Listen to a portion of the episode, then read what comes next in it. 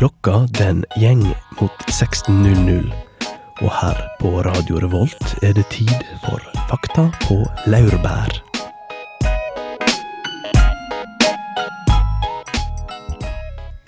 Når du føler deg ille, kroppen fungerer ikke slik du ville. Er det bieffekten av en vaksine? Er det hodepine? Er kroppen helt ute av drift? Har du kanskje fått i deg en gift? Var du Ukraina i 86? Japan under jødehets? Under Vietnams oransje himmel? Eller på fyrstikkfabrikken når du følte deg svimmel? Mot mye finnes det en kur. Finnes det ikke, så ta deg en tur til Brasils grønne lunger med le legemiddelindustriens onde tunger. Velkommen til Fakta på laurbær denne uka. Med meg i studio har jeg Susanna, Sverre og Astrid. Hallo! Astrid har vært ute i utlandet en liten tur, men nå er hun tilbake. Men bare for denne gangen. Dessverre. Det er Måtte en tur til Sverige, så da var det i utlandet. Egil kommer tilbake om eh, kanskje et kvarter, Ja. så da bytter vi deg ut igjen. Dessverre. ja. Gleder meg til det. Gleder meg. Som dere kanskje skjønte fra den innledende poesien, så er eh, ukas tema medisiner, gifter og hva skal vi si, legemiddelindustrien. Ja. Er variert og veldig spennende. Veldig spennende. Mye, mye gøy i sendinga i dag. Jeg heter Ragnhild Skaugen, og etter eh, Band of Skulls så skal du få høre litt om alkohol.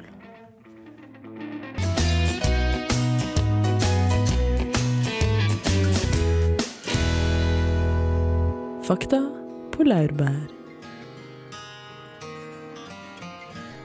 Alkohol er et stoff som har eksistert på denne planeten i flere millioner år.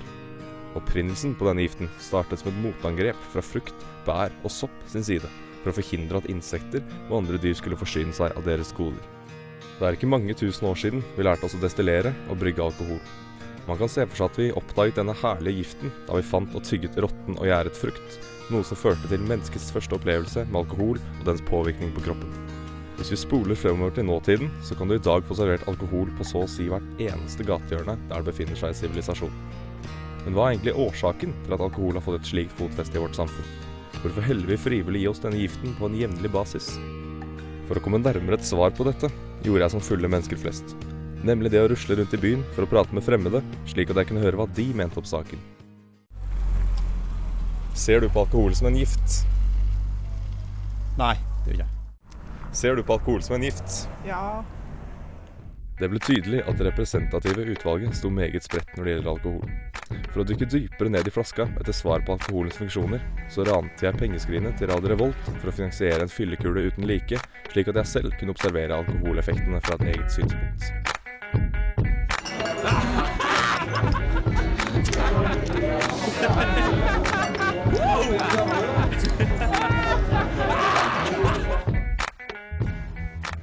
Jeg tok en pause fra vorspielet jeg befant meg på, for å analysere hvordan alkoholen allerede hadde tatt kroppen min med fast grep. Svekket konsentrasjon, redusert hukommelse og kritikkløshet var noen av trekkene som dukket opp. Men mine dopamin- og serotoninlagre virket utømmelige, noe som gjorde det lett å stille seg relativt apatisk til det noen vil kalle negative aspekter ved alkoholkonsum. Det samme gjaldt for den stakkars leveren min som plutselig ble tvunget til å jobbe overtid. Tidsbegrepet forsvant, og før jeg ante ordet av det, våknet jeg hjemme i sengen og ble introdusert til bivirkningen alkohol kan ha, nemlig det å være fyllesyk.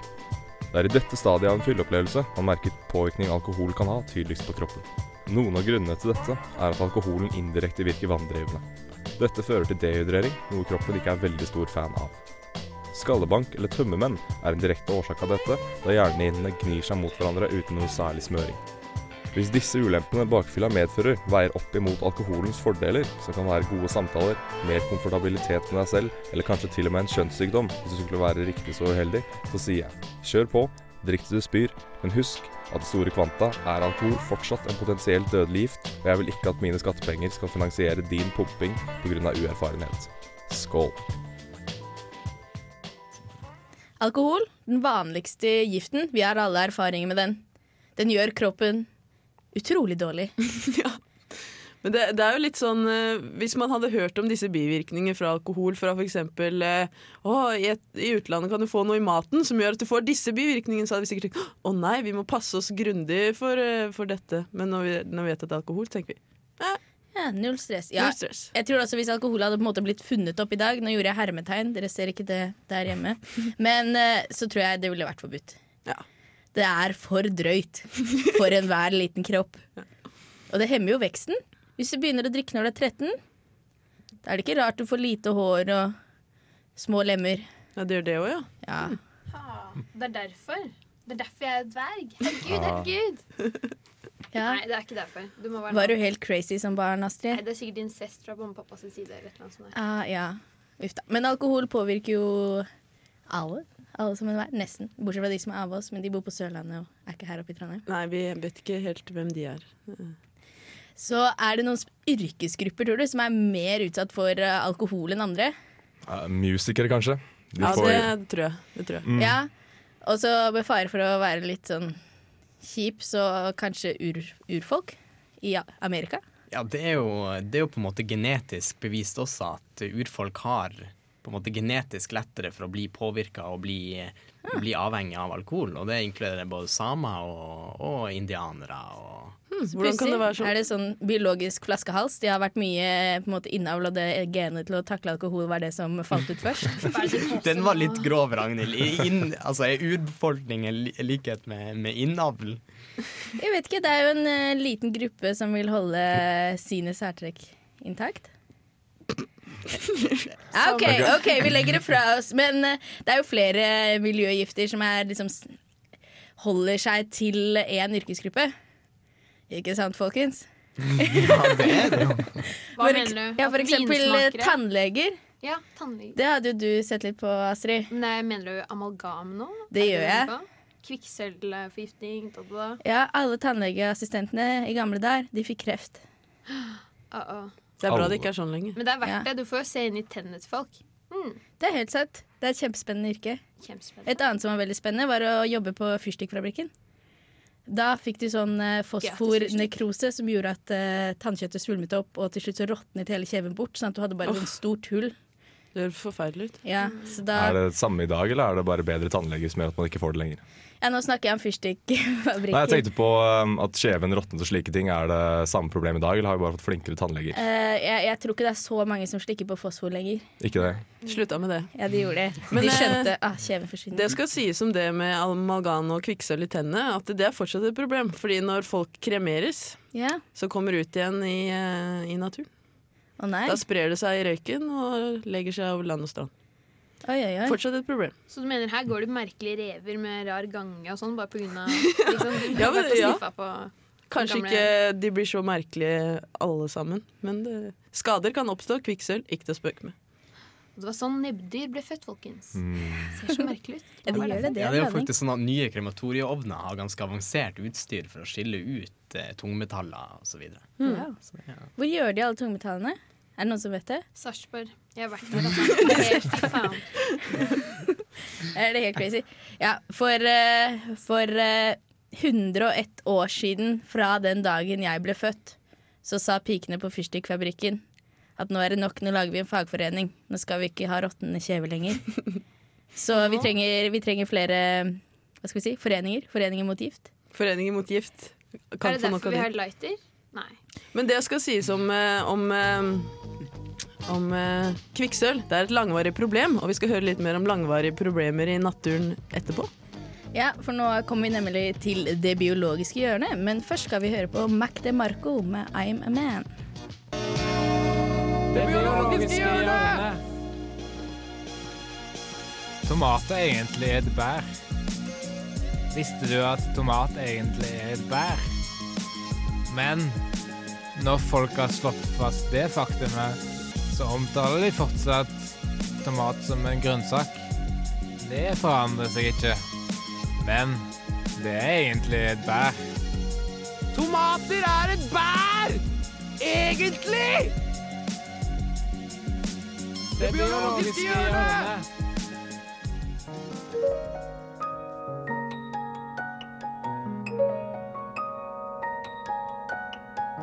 Persistente organiske forbindelser er organiske molekyler som er giftige for mennesker og dyr.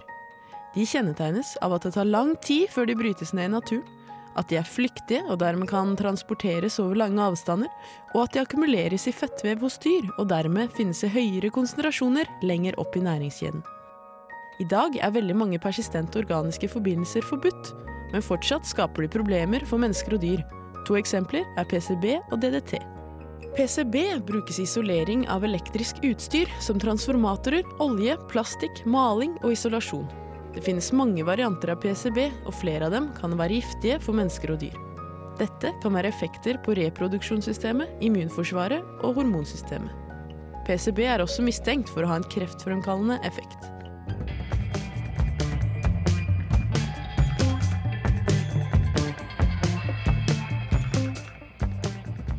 Når produkter som inneholder PCB har blitt kastet eller behandlet på en måte som gjør at PCB når naturen, kan det spre seg globalt via hav- og luftstrømmer. Blant annet har PCB ført til skader hos fisk, der fisken dør ved store doser og får formeringsproblemer ved mindre doser. I Norge ble det forbudt å lage nye produkter med PCB i 1980, og i dag er det forbudt i de aller fleste deler av verden. PCB-konsentrasjoner i Norge minker, men pga. stoffets persistens vil det ta lang tid å bli kvitt det. PCB oppkonsentreres i næringskjeden og vil derfor ha høy konsentrasjon hos toppredatorer som f.eks. isbjørn. Du vil sannsynligvis få i deg mesteparten av PCB gjennom maten, og inntaket vil være størst via fisk. Seksjonssjef i Mattilsynet sier allikevel. Det er ingen grunn til unødig bekymring for å spise fisk. Man skal spise mye fisk og sjømat fra forurensede fjorder over lang tid før det oppstår fare for helseskader.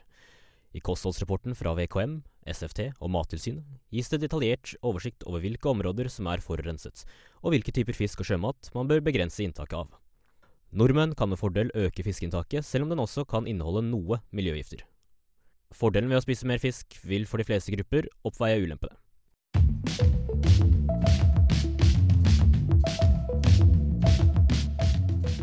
En annen miljøgift som på 1940-tallet ble tatt imot med åpne armer, er insektdreperen DDT.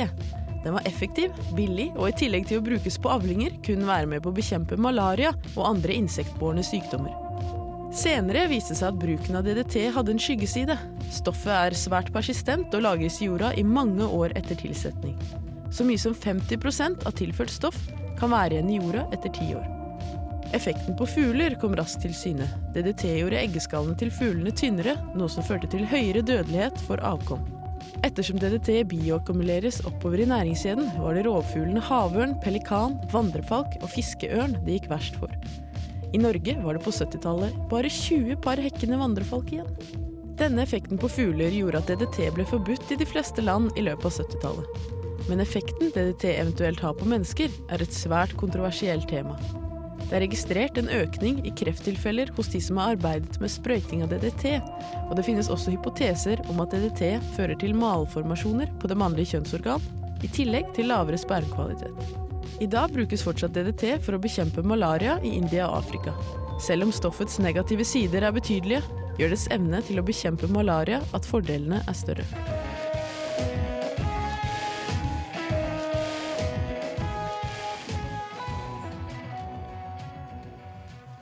Hei, altså, visste dere at uh, ketsjup teknisk sett er en smoothie? Ja, siden tomat er et bær. Vi hørte Susanna prate om persistente organiske forbindelser. Hmm. Gifter, altså. Ja, det er uh, organiske forbindelser som er, som er persistente. Dvs. Si at de brytes ikke så veldig lett ned av, uh, av biologiske prosesser eller av organismer som tar de opp. Da. Da skyldes det på en måte Hva tror du skyldes det vond vilje fra store industrien? Eller skyldes det dumhet blant mennesker, at vi har latt det på en måte akkumulere her i verden som vi er så glad i? Ja, Det tok jo litt tid fra man begynte å bruke det til man fant ut at det faktisk var skadelig. For eh, de har veldig mange fordeler, disse stoffene. da. For eksempel eh, eh, at de kan være flammehemmende. Ah. Og så vurderer man jo da eksempel Ja, vi unngår at dette stedet begynner å brenne, men så, så får man litt ettervirkninger av disse skadene av de stoffene. da, Hva er verst? ikke sant? Og da kan man jo ofte komme fram til at mm, allikevel så bør man bruke det. Eksempel som eh, DDT brukes jo fortsatt mot malaria i India i dag, eksempel. Selv om man vet at det er et farlig stoff, så redder det flere liv eh, ved, ved at man unngår malaria.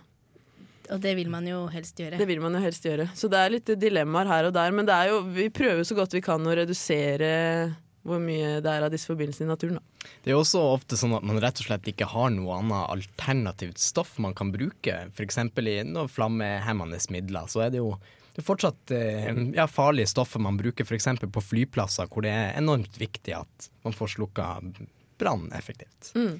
Ja. Et eksempel på et tilfelle der hvor det gikk an å bytte stoffet, var jo KFC. Der hvor det var et stort problem for eh, ozonlaget, og man har laget en god ordning. Litt på en måte, Og klimaavtale Kyoto bygger jo på den samme ordningen. Om at man skal prøve å få ned utslippene, men det funker ikke. Så da man kan spørre seg selv hvorfor det var så, var så lett å få ned KFC og ikke andre ting. Og det var vel kanskje fordi det hadde en substitutt. Mm. Men eh, vi har vært ganske flinke. I hvert fall også disse miljøgiftene er eh, forbudt i Norge. I hvert fall de jeg nevnte, DDT og PCB. Og veldig mange andre også som ble forbudt å bruke under eh, Stockholm-konvensjonen. Som var vel i, på 90-tallet, begynnelsen av 2000-tallet. Om veldig mange av disse persistente organiske forbindelsene ble forbudt å bruke. Og som vi hørte, så er det f.eks. mye mindre i Norge da, så man kan trygt spise fisk. For Godt å høre, selv om man er gravid. Da må man være litt forsiktig. Da anbefales det å gå inn på Mattilsynets hjemmesider og se hva som er anbefalt eh, dose av eh, fisk per måned, for eksempel. Da. Mindre du fisker den fra sånn utedassen din, eller Det kommer an på hvor fisken er fra. Ja, det går Ikke all fisk er bra. Liksom. Nazifisk er minus. Vi, vi skal videre i det biologiske hjørnet. Vi skal høre om verdens giftigste dyr. Det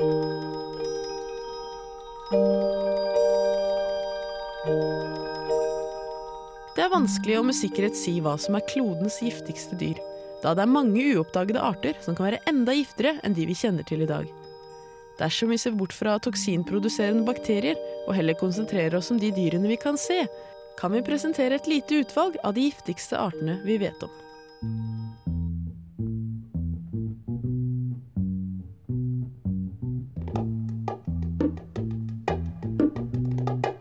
Gul pilgiftfrosk. I Brasils regnskog finner vi pilgiftfroskene. Det finnes mange arter av pilgiftfrosk med forskjellig grad av giftighet. Den gule pilgiftfrosken er den aller giftigste, og regnes som et av verdens aller giftigste dyr. Den skiller ut et giftstoff gjennom huden som kan ta livet av et menneske kun ved berøring. Giften rammer nervesystemet og fører til at offeret blir paralysert, noe som videre fører til at hjertet stopper. Det har til og med skjedd at hunder har mistet livet etter å ha vært i kontakt med papir som gul pilgiftfrosk har gått på.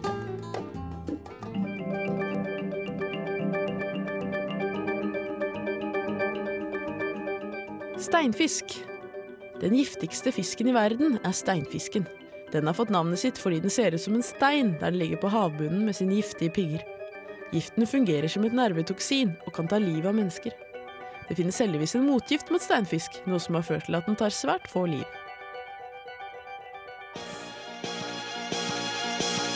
Sjøveps. Sjøvepsen er en manet som finnes langs den vestlige stillehavskysten. I motsetning til f.eks. pilgiftfrosken bruker sjøvepsen giften sin aktivt som jaktmetode. Også her er det snakk om et nervetoksin som overføres til offeret via manetenes lange tråder. For at møtet med sjøvepsen skal ha dødelig utfall, må du kveile deg godt inn i tentakeltrådene og motta større mengde gift. De fleste kommer unna det med livet i behold, men dersom du skulle være ille ute, er det lite håp. Giften kan ta livet av deg på tre minutter, og da er det ikke nok tid til å komme seg til sykehus og motgift.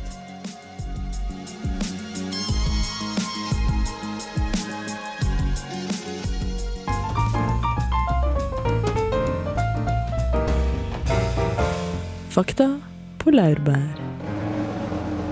Der hørte du Sheefy McFly med Hillfigure. Og nå skal vi ha fleip eller fakta her i Flakta på laurbær. Det blir rot. Fleip eller fakta?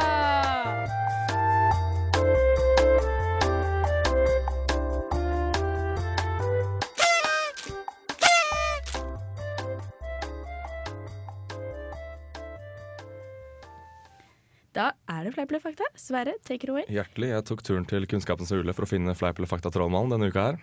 Eh, og han hadde dette å komme med. Eh, Papegøyer ved Amazonaselven spiser gjørme for å nøytralisere giftstoffer de har fått i seg gjennom å spise planter. Eh, Gjørme. Det høres eh, plausibelt ut. Det gjør jo det. Mye vann og kanskje litt salter. Men Gjørme har en egen evne til å tiltrekke seg ting. F.eks. kanskje giftstoffene fra planta. Så egentlig så bare hoper det seg opp. Men det her Nei, men da, da blir det jo med gjørma ut igjen, tenker jeg da. Da renser du det. Å ja, sånn sett, ja. ja men i all verden. Uansett. Så de spiser det samme. Jeg ville heller spist gjørme enn bæsj. Any day. Hva ville dere? Spist heller gjørme enn bæsj? Begge deler samtidig. Å, shit. Mm. fakta.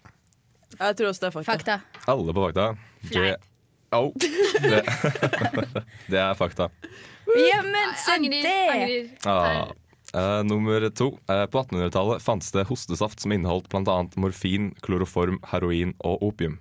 Ja, ja, som Ja, faen. ja, ja. Ja, det tror jeg. Det får bare Da blir hele halsen. Men kloroform da, gitt. Du skulle ikke sovne, da. Hvor mye, da?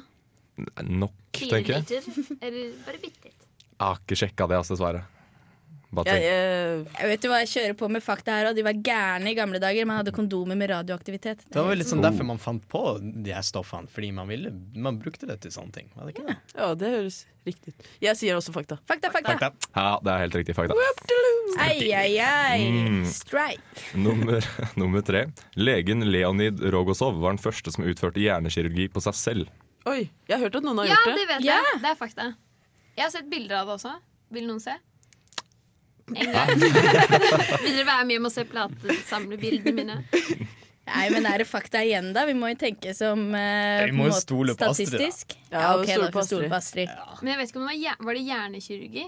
Ja. Jeg tror det var, jeg vet om en som drev med noen form for kirurgi selv, men da var det hjerterattatatei. Men det var fordi han var på polarekspedisjon. Ja. Og bare wow, shit, hjerte! Det er Er det det, gale noen leger her? Å, det er meg! Faen!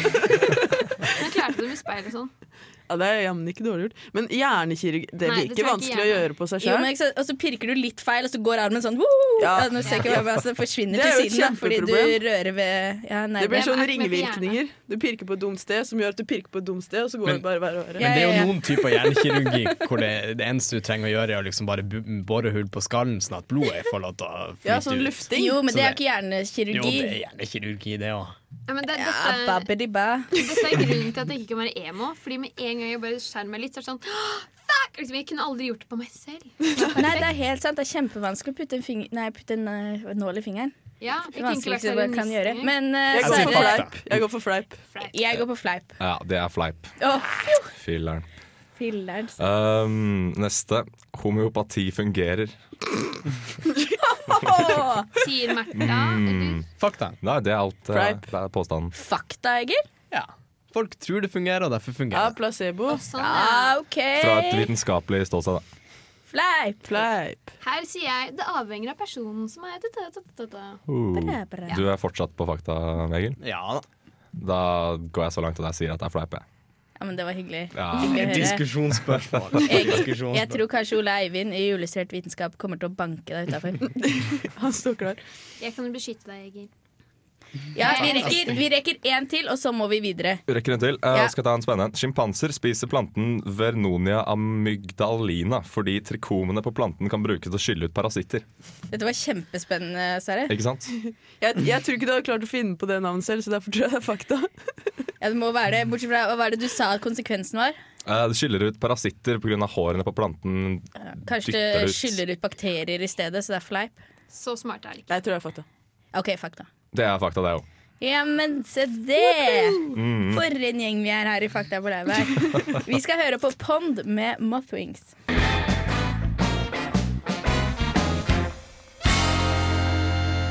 Fakta på laurbær. Narkotika.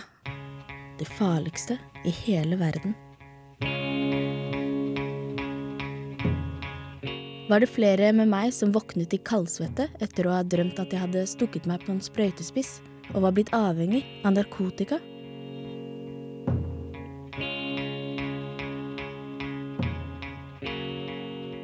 Etter hvert som jeg vokste opp, skjønte jeg at jeg måtte gjennom flere porter før jeg virkelig ble narkoman. Nå har legemiddelindustrien strukket ut en hånd til alle de som har blitt dyttet, dratt eller spasert gjennom disse portene.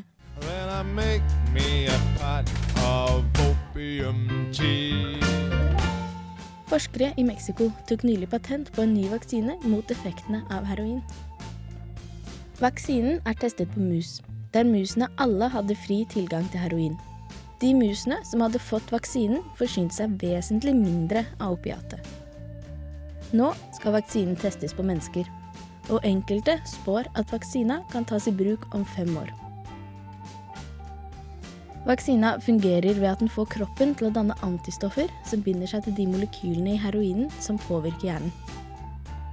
Disse antistoffene hindrer molekylene i å feste seg til opioidreseptorer i sentralnervesystemet, og fjerner da den bedøvende gevinsten av heroinrus. En lignende vaksine er utviklet mot nikotinavhengighet, og en annen mot kokainavhengighet er under utvikling.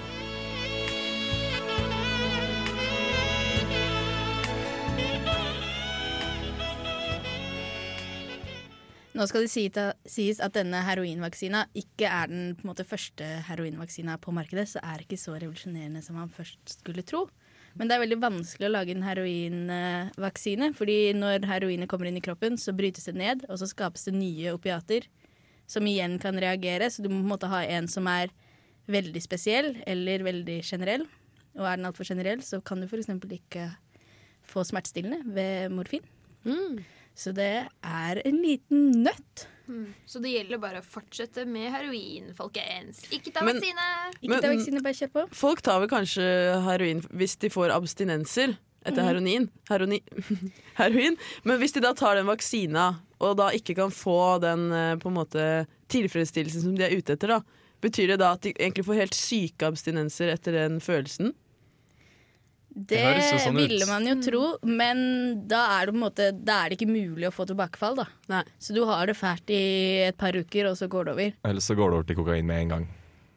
Ja. Bare for å lindre. Vi håper jo heldigvis at vi snart får en sånn kokainvaksine også. Det skulle vi trengt før. Hvis du har tatt den vaksina, og så skjer det som i drømmen din, at du blir helt åh, stukket i hjel eh, mens du går på gata og bare skal handle grønnsaker, hva skjer da? Er det noen reaksjon, liksom? Hvis du får heroin etter å ha tatt vaksine? Nei, da merker du jo ikke noe. Ah, Heldigvis. Hmm. Det er jo det som er poenget, at du kan liksom skyte det opp så mange ganger du vil, men uh, ingenting skjer. ja. Så da kan du trygt ta på alle sprøytespisser i hele verden. Bortsett fra hvis du har lyst på aids, da. Ja. ja. Som jeg også er veldig redd for. Det er Ah, litt mitt mareritt, for det skjedde med en kvinne i Oslo som gikk langs Karl Johan. Så kom det en som skulle daue av hiv og aids samtidig. og bare snappa den midt gjennom eh, lærjakka hennes, og nå har hun hiv eller aids. Nei. Jo, det er helt sant. Det går ikke an. Han var en drittsekk, men nå er han dau, så det går ikke an å gjøre med det. Er hun dama død òg? Vet ikke. For man kan jo leve lenge med hiv nå for tida. Ja, men det her var sånn ti år siden eller sånt der. Det var Ja. helt nytt. Og det ikke var like populært. Nå ble jeg skikkelig nervøs. Nå skal jeg ikke flytte tilbake til Oslo, i hvert fall. Det kan gå i rustning, da. Det er tungt, men det er verdt det. Faen, det er verdt det! Ai, ai, Men, ai. men det er jo et poeng at man, man dør jo ikke av aids nå for tida. Eller man får jo ikke aids, man bare har hiv hele livet sitt. Ja. Ja. Men eh, det er jo risiko for unger, da. Og det er jo ikke gøy for det, egentlig. Nei, det er jo litt kjipt. Du må jo ta veldig mye medisiner. Det kommer, Det an er som å ha på, lavt stoffskifte, liksom. Man må ta medisiner hver dag. det kommer an på hvor du bor hen også, hvor lenge du lever med den sykdommen. Hvis du bor i Ja. Sarpsborg, så er det ikke et problem, altså. Da, Ikke i Sarpsborg, men i Afrika kanskje? Mm. Kanskje. Litt mer problematisk. Ai, ai, ai. Apropos Afrika og utlandet. Ja. Astrid, du har vært ute og reist. Nå mener du utenom uh, Sarpsborg? Eh, ja. Mm. Ja, Jeg tok ja, ja. en liten tur til uh, der hvor kuene er så inn i helvete hellige. Og Sverige? da Ja, og Sverige. Uh, altså Østermalm. Nei, jeg tok en tur til India, fordi jeg skulle i Oh. bryllup. Og da tenkte jeg ja, da må jeg vel ha litt vaksine. Men jeg måtte ikke bare ha litt vaksine, jeg måtte ta noe inn i helvete mange vaksiner. Så hun dama som satt der, bare flerra opp fem forskjellige vaksiner. Så nå har jeg fått for forbereder mennesker. Mhm. Hepatitt A, hepatitt B, tyfoidfeber, tilfelle man skulle få det. Og så sa jeg tilfeldigvis sånn Ja, en gang i fremtiden så har jeg lyst til å dra til Sør-Amerika.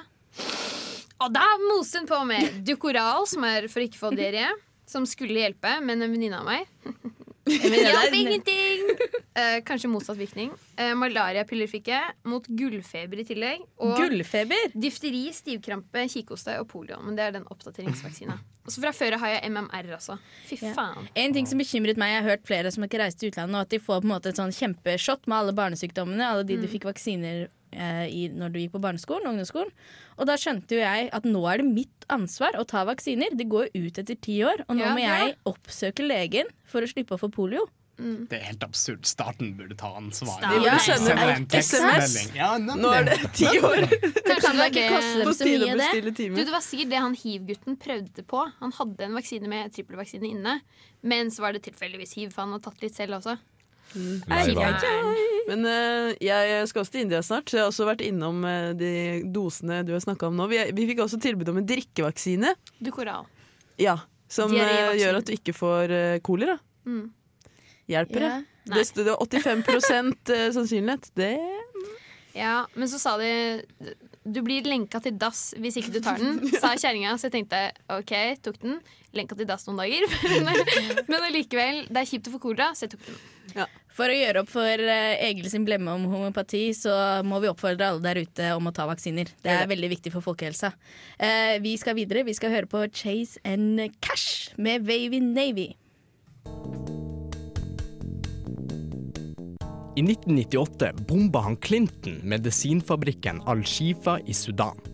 Al-Shifa var den eneste medisinfabrikken i landet, og forsynte Sudan og nabostatene med bl.a. aspirin og malariamedisin. Fabrikken ble jevna med jorda i angrepet, og fram til nå har det ikke blitt produsert medisin i stor skala i Sudan. USA begrunna bombinga med at fabrikken hadde kontakt med terrorister og ble brukt til å produsere kjemiske våpen. Bombinga av Al-Shifa ble gjennomført samtidig med bombing av terroristbaser i Afghanistan. Det var mye skepsis i verdenssamfunnet til USA sine beviser for fabrikken sin påståtte våpenproduksjon. Og det er noen som mener at han Clinton sin egentlige motivasjon for å bombe var å ta oppmerksomhet bort fra Monica Lewinsky-saken, som holdt på å blusse opp i USA. Akkurat det vet vi jo at ikke fungerte så godt. Media fortsatte jo presset på Clinton. Men det kan for så vidt se ut som han Clinton ikke helt ga opp strategien sin. For da mediekjøret var på sitt høyeste, sendte han jo bombeflyene mot Serbia. Men altså. Til tross for slemme terrorister og Monica Lewinsky, er det allikevel andre som mener at bombinga av medisinfabrikken egentlig handla om patentrettigheter på medisiner, og at bombinga var ment som et sterkt signal til u-landene i forkant av WTO-forhandlingene i Seattle i 1999.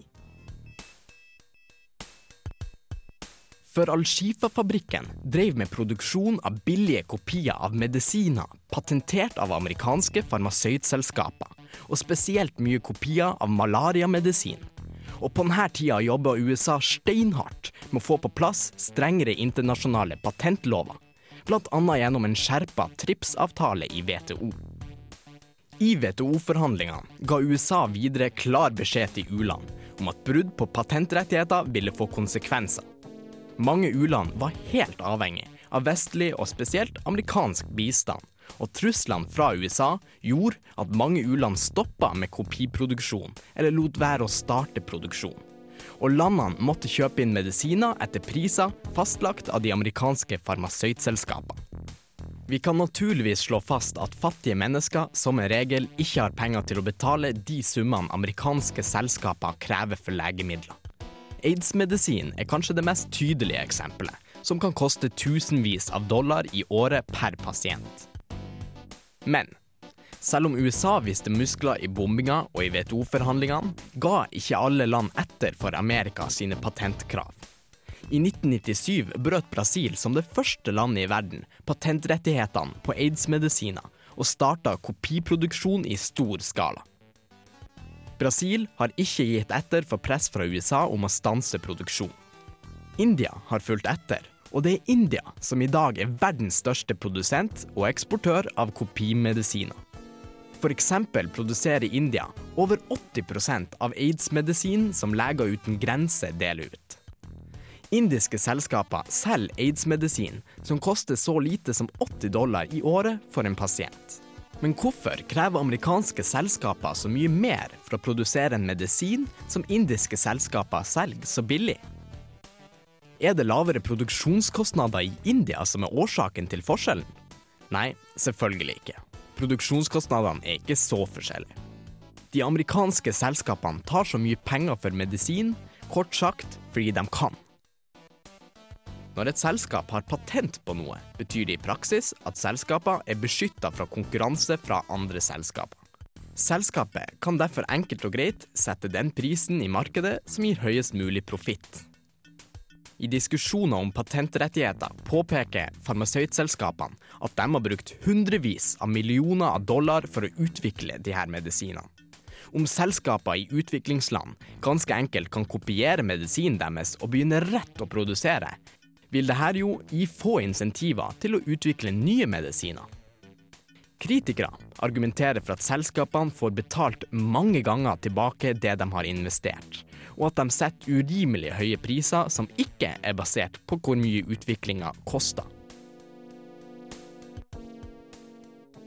Et illustrerende eksempel til slutt. Pentamidin var en billig medisin utvikla for behandling av sovesyke. Så oppdaga man at den også var effektiv i behandling av en aids-relatert bakterie kalt PCP. Når man oppdaga det, ble prisen på pentamidin økt med 500% Årsaken er naturligvis at folk er villige til å betale langt mer for livsnødvendig aids-medisin enn medisin for sovesyke. Og det vet farmasøytselskapene å utnytte. Fakta på laurbær. Der hørte vi Beach Fossils med Shallow.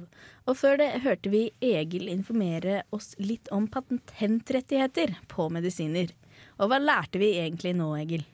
Nei, saken er jo den at det koster jo svært lite å f.eks. produsere aids-medisin. Men eh, ja, altså en pille koster ikke mye å produsere. Men skal man kjøpe det i butikken i Afrika, så koster det jo gjerne ja, vanvittige summer som de fleste ikke har råd til. Og eh, ja, det er jo mange som argumenterer for at eh, aids-medisin burde da virkelig være tilgjengelig til kostpris, så mye det koster å produsere den. Men da sier de selskapene som har laga de her medisinene at nei, vi har brukt såpass mye penger på å utvikle medisinene at vi fortjener profitt. Hva syns du om det, Egil? Er det rett og rimelig at de skal ha på den profitten? Nei, det altså Selvfølgelig burde farmasøytselskapene tjene inn det de har brukt på utviklinga. Men saken er jo dem, det at eh, de selskapene går jo gjerne med ja, hundrevis av millioner av dollar i overskudd. Og da, eh, da blir det for ille. Ja, og Hvis eh, medisinene er så billig, så er det jo ikke behov for nye aids-medisiner. Og da taper de jo enda mer, kanskje. Mm. For man utrydder sykdommen, rett og slett. Tror du de er onde? Vanskelig å si, men noen kyniske jævler, det kan vi kanskje Det er ja. si at de er. Men det er jo det samme de sier om bil. Man kunne lagd en bil som kunne være sustainable og ingenting ble ødelagt. Men da hadde jo ingen gått tilbake til verkstedet for å fikse det som ble ødelagt. Så det driter de i. klassisk Apple De eh, vil også. ha syke, ikke sant? Nye iPoder, nye iPoder De har en integrert feil, sånn at man må kjøpe nye. Fy søren. Det er nesten som Ai, ai, ai. Uff a meg, jeg blir litt trist inni meg. Men også eh, så en sånn statistikk på at eh, det, ja, det er kun omtrent 1,5 av eh, medisinmarkedet som er i u-landene. Så for, for de her farmasøytselskapene å gi ja, rabatter, ja, rabatterte priser i u-land, det burde ikke kunne skade økonomien deres så mye. Det er en klar oppfordring fra oss i Fakta på laurbær. Ja. Få på dere spanderbuksene. Storindustri.